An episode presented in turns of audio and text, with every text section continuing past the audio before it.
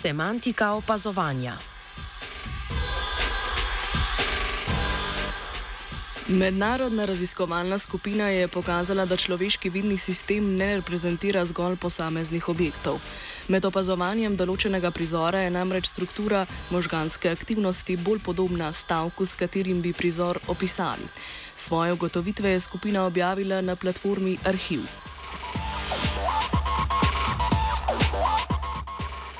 Po pojmovanju klasične nevroznanosti je vidni sistem v možganih moč funkcionalno razdeliti na dve kortikalni poti: dorzalno in ventralno. Dorzalna ali kje pot je specializirana za procesiranje prostorskih informacij, medtem ko je ventralna ali kaj pot specializirana za procesiranje vsebine vidnega polja. Ko torej sežemo po skodelici kave na mizi, pri vodenju roke sodeluje dorzalna pot, medtem ko se ventralna pot prižge pri prepoznavi objekta objekta na mizi kot skodelice kave.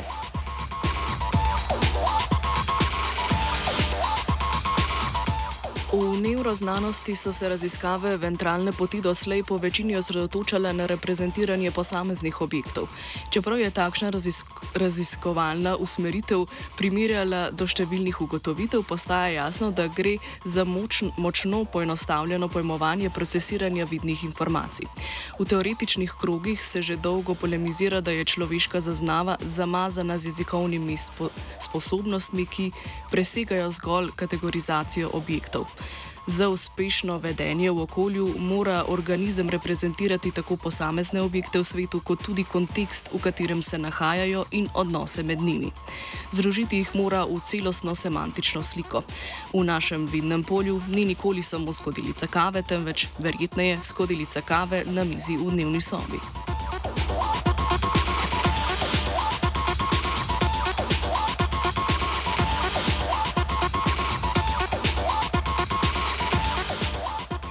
Znanstveniki in znanstvenice so s takšnim pojmovanjem v mislih zasnovali raziskavo. Osredotočili so se na bazo fMRI podatkov, ki so bili pridobljeni z merjenjem možganske aktivnosti osmih udeleženk ob opazovanju kompleksnih naravnih prizorov. Za vsak prizor so imeli raziskovalci na voljo tudi njegov opis. Z uporabo globokih nevronskih mrež so opise prizorov pretvorili v semantične vektorske reprezentacije. Gre za nekakšno umestitev stavkov v vektorski prostor, pri čemer so si pomensko bolj podobni stavki bližje, manj podobni pa bolj oddaljeni. Pomembno je, da takšne reprezentacije uspejo zajeti tudi kompleksne aspekte pomena na nivoju celih stavkov, kot naprimer odnose med besedami.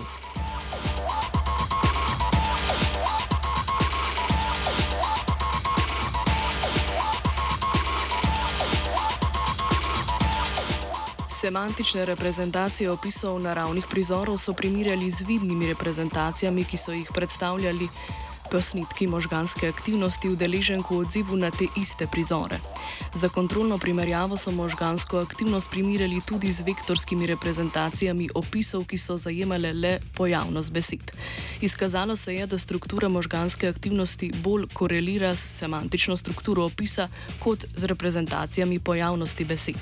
Robustnost svojih izsledkov so prav tako potrdili z algoritmom, ki je na podlagi možganske aktivnosti ob opazovanju določenega prizora nadzora uspešno napovedal ustrezen opis.